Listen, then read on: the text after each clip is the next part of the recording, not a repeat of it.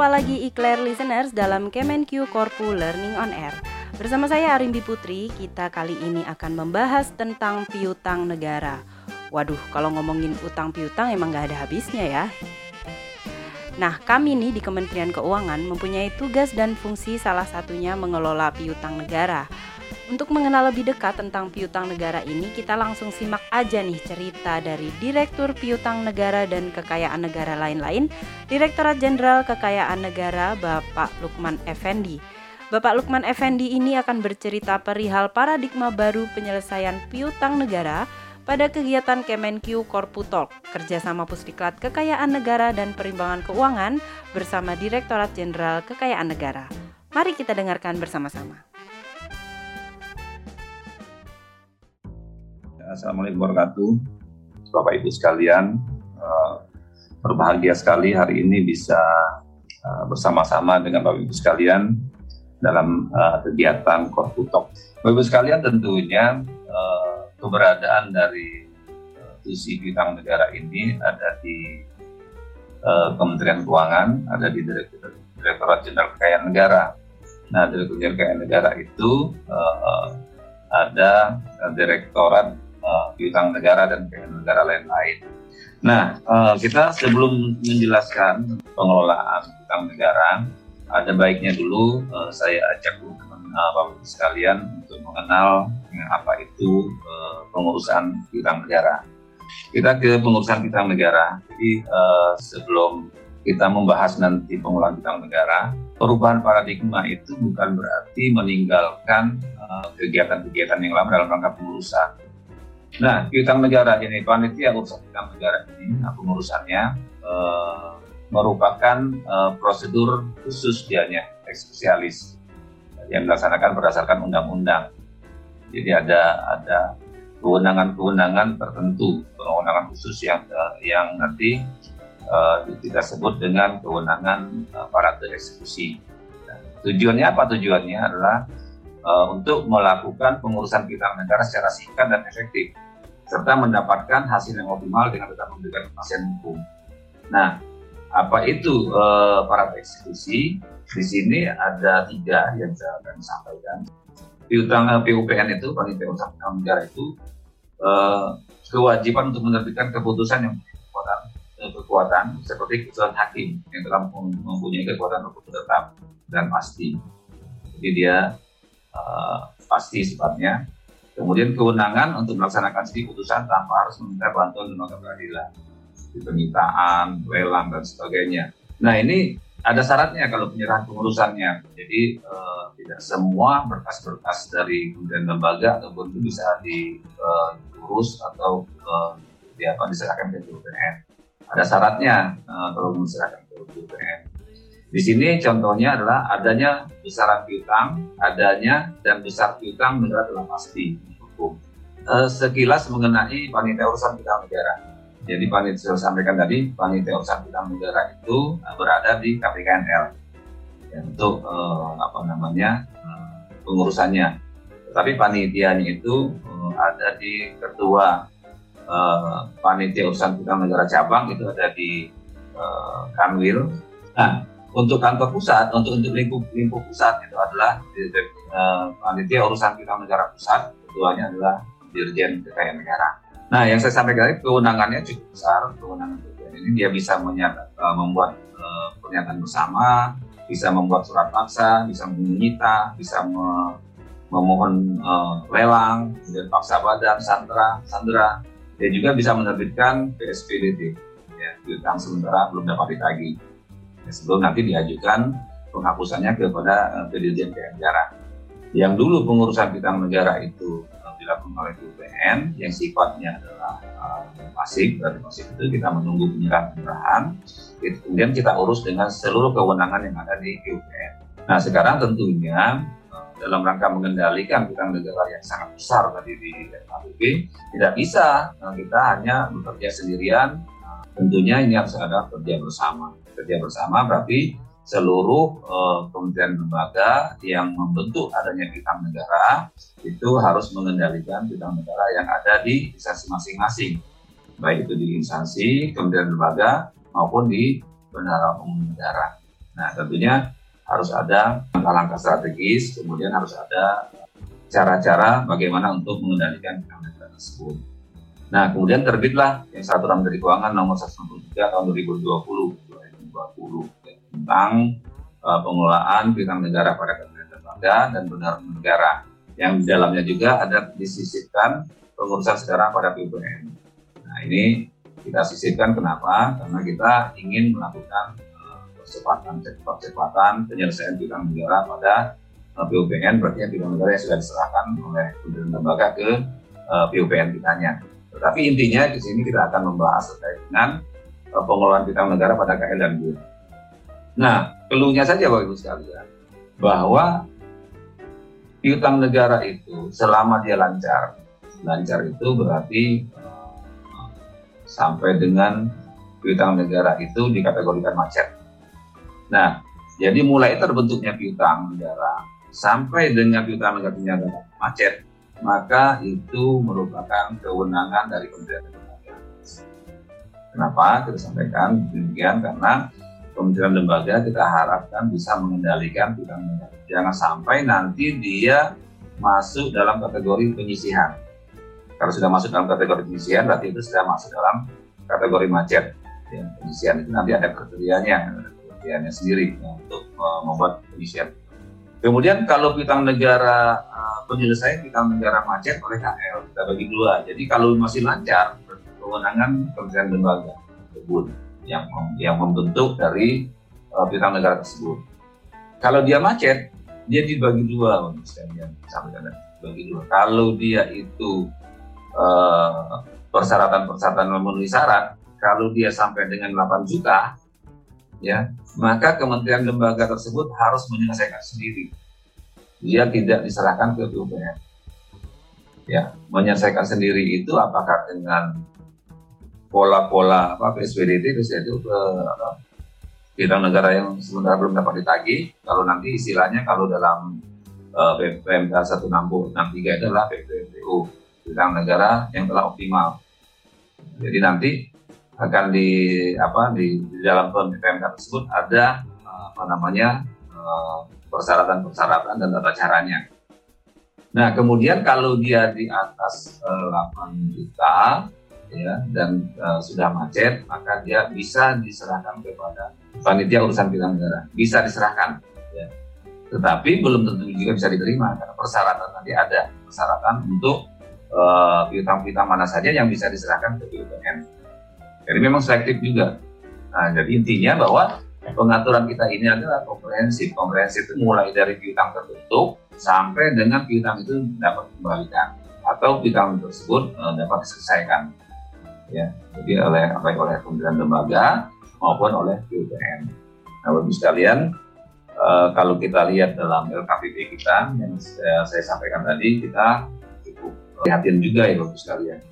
Berarti didominasi oleh bintang uh, tertagih. Ya. Dibayangkan saja dari 100 279 total semua bintang negara yang ada itu yang pendek 87 triliun itu sudah penyisihan ya dari 297 uh, eh, sendiri cuma 110 triliun yang kemungkinan bisa kita tagih.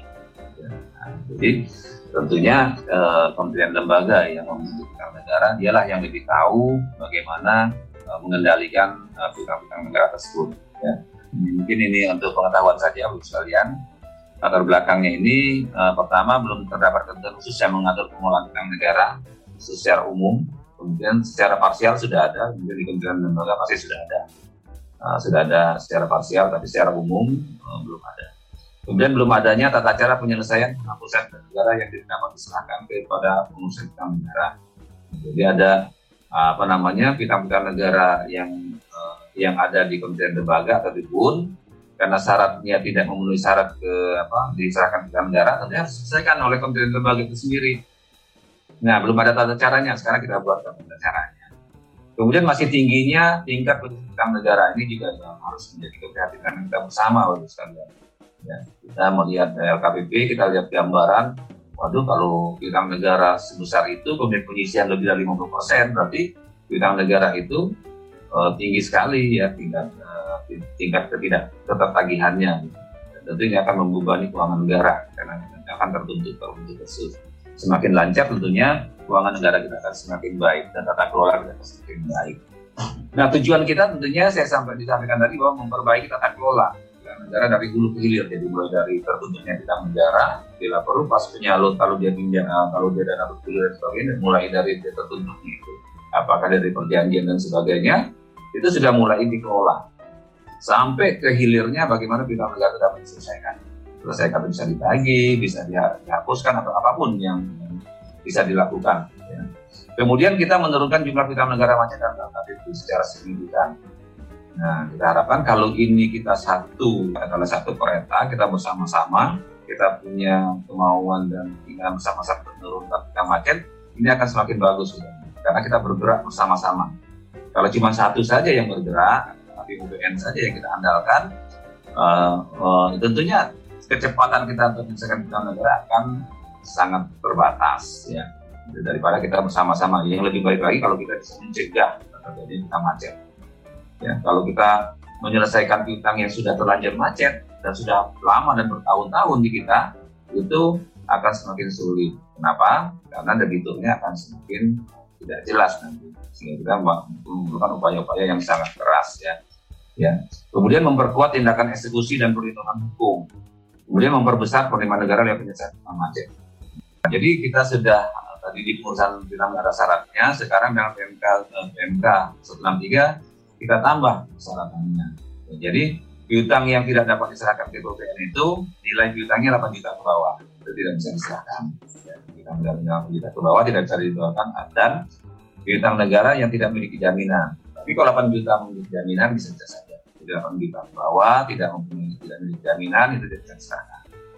Kemudian tidak ada dokumen yang membuktikan adanya piutang sama dengan yang tadi, tidak ada dokumen yang membuktikan besarnya piutang, sama kemudian piutang negara yang uh, segera pengadilan dan dikembalikan ke Jadi yang yang yang baru adalah nomor satu dalam PMK kita ini. Kalau nomor dua, nomor tiga, nomor empat itu adalah sudah dimasukkan dalam PMK 240 dalam pengurusan piutang negara. Jadi yang baru adalah nilai piutang negara 8 juta ke bawah dan tidak memiliki barang jaminan. Itu tidak bisa diserahkan ke GOPM. Jadi sekalian. Jadi eh, dalam PMK 1 163 tersebut ada dalamnya itu ada penata usaha. Jadi kita harus melakukan penata usaha secara rapi. Jadi kita tidak uh, dalam melakukan penata usaha itu bukan dalam rangka kita bukan hanya bukan hanya saya garis bawahi bukan hanya dalam rangka akuntansi kita mencatatkan itu ke dalam LKPP itu adalah satu hal yang yang harus kita lakukan tetapi kita harusnya sudah mempunyai database yang lengkap dalam rangka kita penyelesaiannya jadi cuma bukan hanya mencatatkan uh, piutang-piutang kita ke dalam LKPP dengan mekanisme yang sudah berjalan selama ini. Tetapi kita ingin adalah penata usaha itu bisa kita gunakan untuk kegiatan operasional kita bagaimana menyelesaikan piutang tersebut. Ya, seperti dokumennya harus bagus, kemudian pencatat harus bagus, barang jaminannya juga harus bagus, pemberian eh, pembebanan barang jaminan kalau dia ada uh, perlu tanggungan uh, perlu sertifikat tanggungan kita buatkan.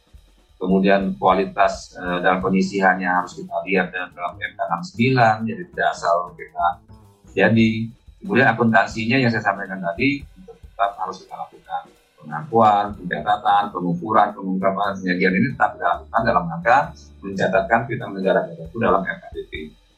Kemudian dalam PMK 163 tersebut, di situ ada kewenangan dari Kementerian Lembaga kementerian lembaga ini kita sampaikan dia uh, selama dia lancar ya belum diserahkan ke BPN maka kementerian lembaga atau BUMN bisa melakukan optimalisasi.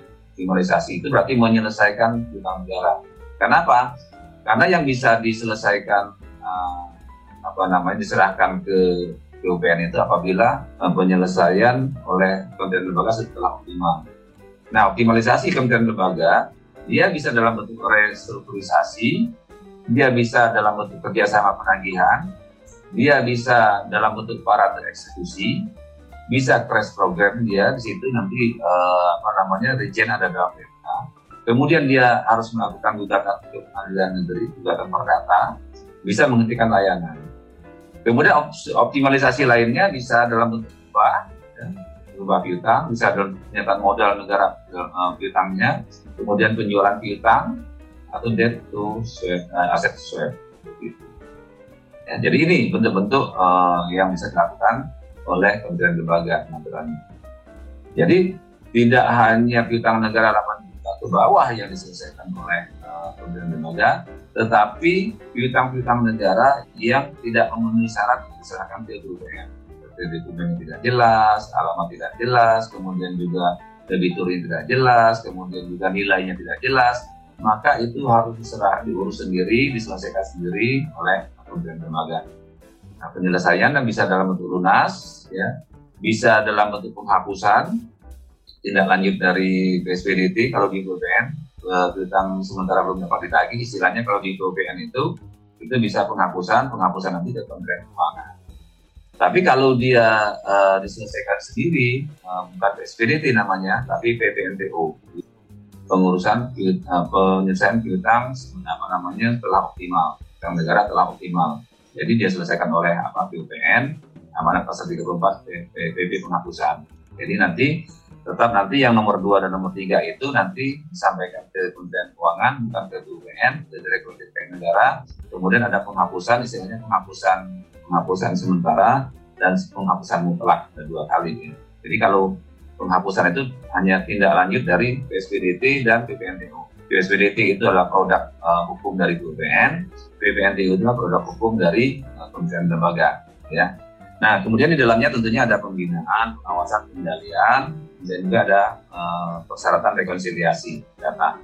Itu yang gambarannya dan dampak kebaruan ini dampaknya kebaruan bahwa secara bertahap akan mengurangi timbulnya piutang uh, dan piutang macet. Ya kalau kita nanti uh, dalam karena ada kewajiban kementerian lembaga, kewenangan kementerian lembaga untuk menyelesaikan sendiri, tentunya nanti mereka akan paham ya bahwa uh, akan melakukan perbaikan-perbaikan dalam hal uh, terbentuknya piutang tersebut. Kemudian mendorong kementerian lembaga lebih bertanggung jawab dan dalam pengelolaan piutang negara sejak timbulnya piutang. Jadi tidak kalau sejak timbulnya piutang tidak terjadi pembiaran sampai dia macet. Tetapi harus ada upaya-upaya yang dilakukan sampai dia uh, tidak macet. Ya, tidak perlu. Jadi pengisian piutang akan semakin terkendali. Kemudian memperkuat dan memperkaya upaya optimalisasi penyelesaian piutang paket sebelum diserahkan ke. Jadi tidak uh, tidak apa nanti dalam tanda kutip tidak menunggu-nunggu waktu sampai nanti ada uh, rekomendasi BPK serahkan ke BPN katakan. Kan kita tidak menunggu itu. Ya, tetapi benar-benar kita akan mengupayakan piutang tersebut selesai dan tidak diserahkan ke BPN. Kita berharap. Karena PUPN itu adalah langkah terakhirnya. Ya, kita kita akan posisikan seperti itu. Jadi bukan PUPN itu sebagai jalan keluar karena kita tidak melakukan apa-apa, namun itu diserahkan ke PUPN. Ya, kita paradigma kita akan berubah seperti itu. Kemudian mempercepat penyelesaian piutang piutang di PPN dengan pengurusan sederhana ya dalam dia. Jadi piutang negara yang sangat besar tadi triliun ya dengan jumlah uh, BKPN kita BKPN itu kasus yang sangat besar tadi ya kita akan gunakan uh, metode pengurusan sederhana. Tetapi tentunya pengurusan sederhana itu adalah terhadap debitur-debitur yang kecil-kecil. Ya, bukan debitur-debitur yang triliunan, uh, ratusan miliar dan sebagainya gitu. Tapi yang kecil-kecil yang memang uh, butuh untuk perhatian kita untuk apa menyehatkan kembali keuangannya dan sebagainya. Debitur-debitur yang sudah tidak mempunyai kemampuan secara ekonomi atau sudah meninggal dunia dan sebagainya. Jadi pengurusan sederhana itu kita arahkan ke sana bukan sederhana menyederhanakan piutang-piutang yang triliunan kalau yang triliunan ratusan miliar itu tetap kita apa namanya kita lakukan penagihan penagihan dengan uh, eksekusi tadi ya kemudian kewajiban rekonsiliasi dan pemutahiran data negara pada DKN ya, kita nanti kemudian ada unit-unit tertentu di Kementerian Lembaga nanti nanti akan berhubungan dengan DJKN bagaimana kita melakukan rekonsiliasi dan pemutahiran data. Ya, kita berharap seperti itu nanti. Nah ini eh, dalam kesempatan ini kami akan menyampaikan ada program baru terkait kebijakan eh, dari terbit oleh Kementerian Keuangan Tapi ini kebijakan ini dalam rangka uh, menyikapi uh, pandemi COVID-19 kita ini. Di samping itu juga kita menyikapi tata kelola uh, negara yang ada di BUPN. Karena kita sinyalir, kita sinyalir dalam data yang ada, ada data-data yang ada, pergerakan penyelesaian utang negara yang sudah yang sangat lambat sekalian. Jadi kita uh, menerbitkan kebijakan ini, terus program pengurusan utang negara uh, selama tahun 2021. Jadi crash program ini namanya crash program umurnya cuma satu tahun. Satu tahun itu mulai dari 1 Januari sampai dengan um, 31 Desember 2021. Tapi karena PMK-nya terbitnya bulan Februari maka kita mulai uh, mulai uh, memperlakukan ini sejak Februari kemarin. Dan ini sudah kita sosialisasikan Senin kemarin rasanya hari Senin kemarin dengan seluruh kementerian lembaga. Ya sudah kita sosialisasikan juga kepada seluruh KPKNL kita kepala kantor operasional DJKN sehingga nanti uh, berharap akan terjadi apa namanya koordinasi dan komunikasi antara pihak kita dengan PUPN kita di uh, seluruh uh, Indonesia. Jadi crash program ini kita nama apa kita sebut dengan gampang adalah keringanan utang. Ya, ada tagline kita uh, lunas hari ini lega sampai nanti. Ini tagline kita. Ada PMK-nya masih baru uh, sekalian di bulan Februari kemarin. Jadi peraturan Menteri Keuangan nomor 15 tahun 2021 tentang penyelesaian piutang instansi pemerintah yang diurus atau dikelola oleh dikelola oleh panitia urusan piutang negara DJKN dan hal ini dengan mekanisme terus program tahun anggaran 2021. Ini jenis programnya ada dua, satu keringanan, jadi keringanan utang berarti ada dua, satu keringanan pembayaran utang, yang kedua moratorium uh, terhadap kegiatan-kegiatan penagihan, ya, keringanan utang. Nah objek-objeknya apa saja? Jadi objek keringanan utang itu tidak semua, sekalian jadi debitur kalau dia UMKM itu batasnya 5, 5 miliar. 5 miliar ke bawah. Kemudian kalau ada debitur KPR, RS, RSS sampai dengan 100 juta. Kemudian ada debitur sampai dengan 1 miliar. Ya. Nah, piutang ini sudah diserahkan pengurusan pada nama 31 Desember 2020. Jadi kalau mau ikut program ini belum diserahkan ke PUPN, baru diserahkan sekarang ya nggak ikut Ya, jadi ini yang sudah tercatat dalam database PUPN. Ya. Nah, kalau yang KPR RS ini kemungkinan adalah piutang-piutang yang lama-lama yang terbentuk pada saat PPPN dulu. Jadi bukan uh, piutang-piutang dari perbankan. Jadi jangan salah nanti kita tidak ke PUPN kita tidak mengurus uh, piutang-piutang dari perbankan. Tapi kita mengurus piutang-piutang dari kementerian lembaga dan BUN yang semuanya uh, ter tercatat dalam LKPB. Ya, kita batasannya saja. Jadi piutang negara selama dia uh, tercatat dalam LKPB maka itu yang kita tulis. Ya. Nah ini bentuk keringanannya cukup besar ibu sekalian, tapi cukup besar. Eh, kita bayangkan nanti eh, apa namanya yang punya hutang itu adalah katakanlah nanti ada UMKM yang 100 ribu, 200 ribu, yang kesulitan ekonomi ada juga yang nanti bidang-bidang di bawah satu miliar itu yang kesulitan ekonomi dan sebagainya yang sudah sudah tidak punya kemampuan dan sebagainya ya, atau nanti bidang-bidang negara nanti yang yang apa yang layak untuk kita uh, berikan uh, keringanan. Nah, jadi kalau dia ikut keringanan di sini kita bagi dua nanti ada apakah uh, debitur tersebut piutang tersebut memiliki, barang jaminan berupa karang bangunan atau tidak berupa, tidak memiliki uh, tanah berupa tanah dan bangunan. Jadi kalau dia uh, tidak memiliki barang jaminan berupa tanah dan bangunan, maka dia mendapatkan keringanan semakin besar. Ya. Jadi kalau piutangnya 10 juta, katakanlah, kemudian ada bunganya, bunga denda dan apa dan pokok katakanlah 2 juta, maka jumlah hutangnya 2 juta, ya 12 juta. Nah, dengan begitu dia ikut program keringanan ini, maka bunga, denda dan ongkos tadi langsung uh, diberikan keringanan tidak bayar.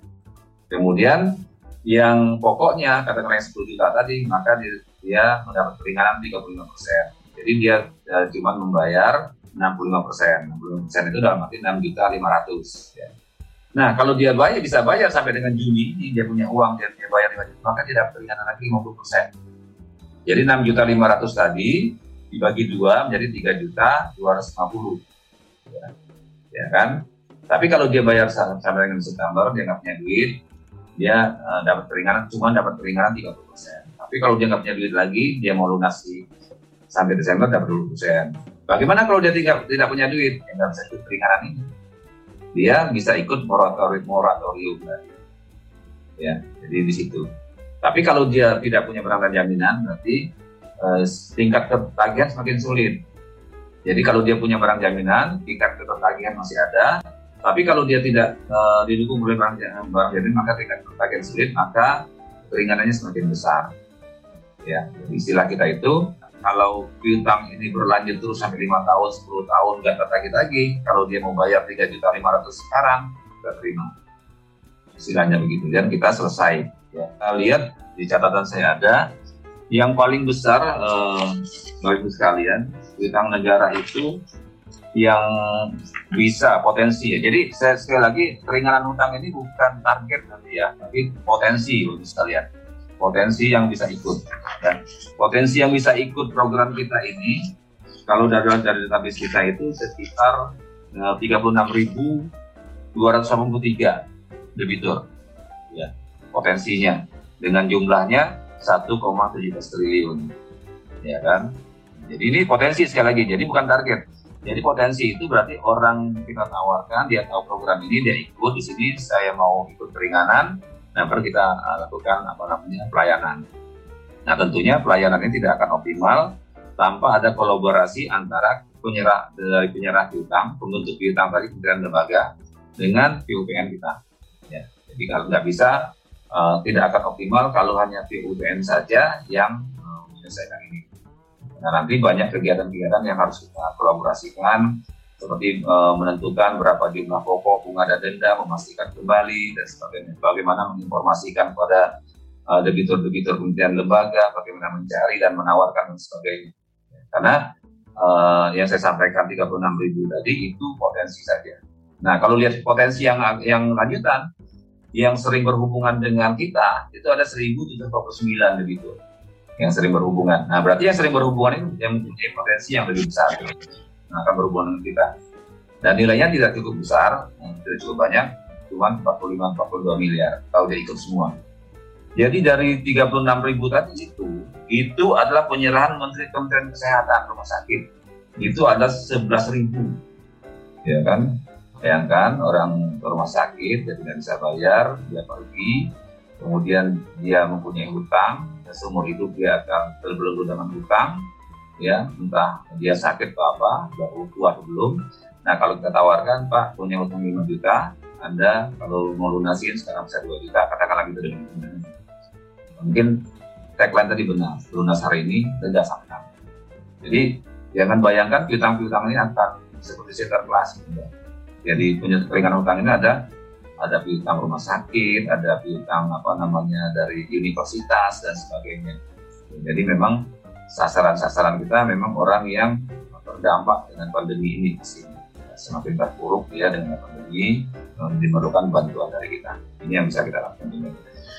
Bapak Ibu sekalian, kalau mau ada nanti yang apa yang potensi untuk ikut uh, keringanan utang, maka dia bisa menghubungi uh, KPKNL terdekat ya, KPKNL terdekat di mana uh, apa piutang itu diserahkan oleh Kementerian Lembaga.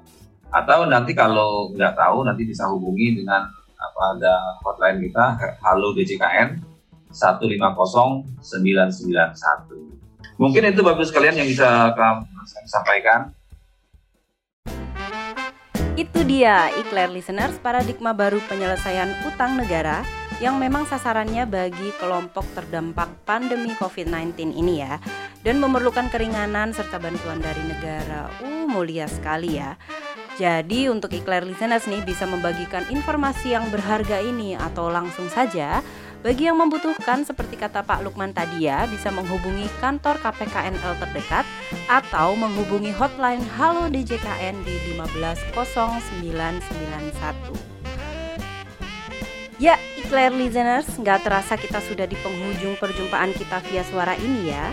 Saya Arimbi Putri beserta tim yang bertugas pamit undur diri. Sampai jumpa di episode Ikler selanjutnya. Sampai jumpa.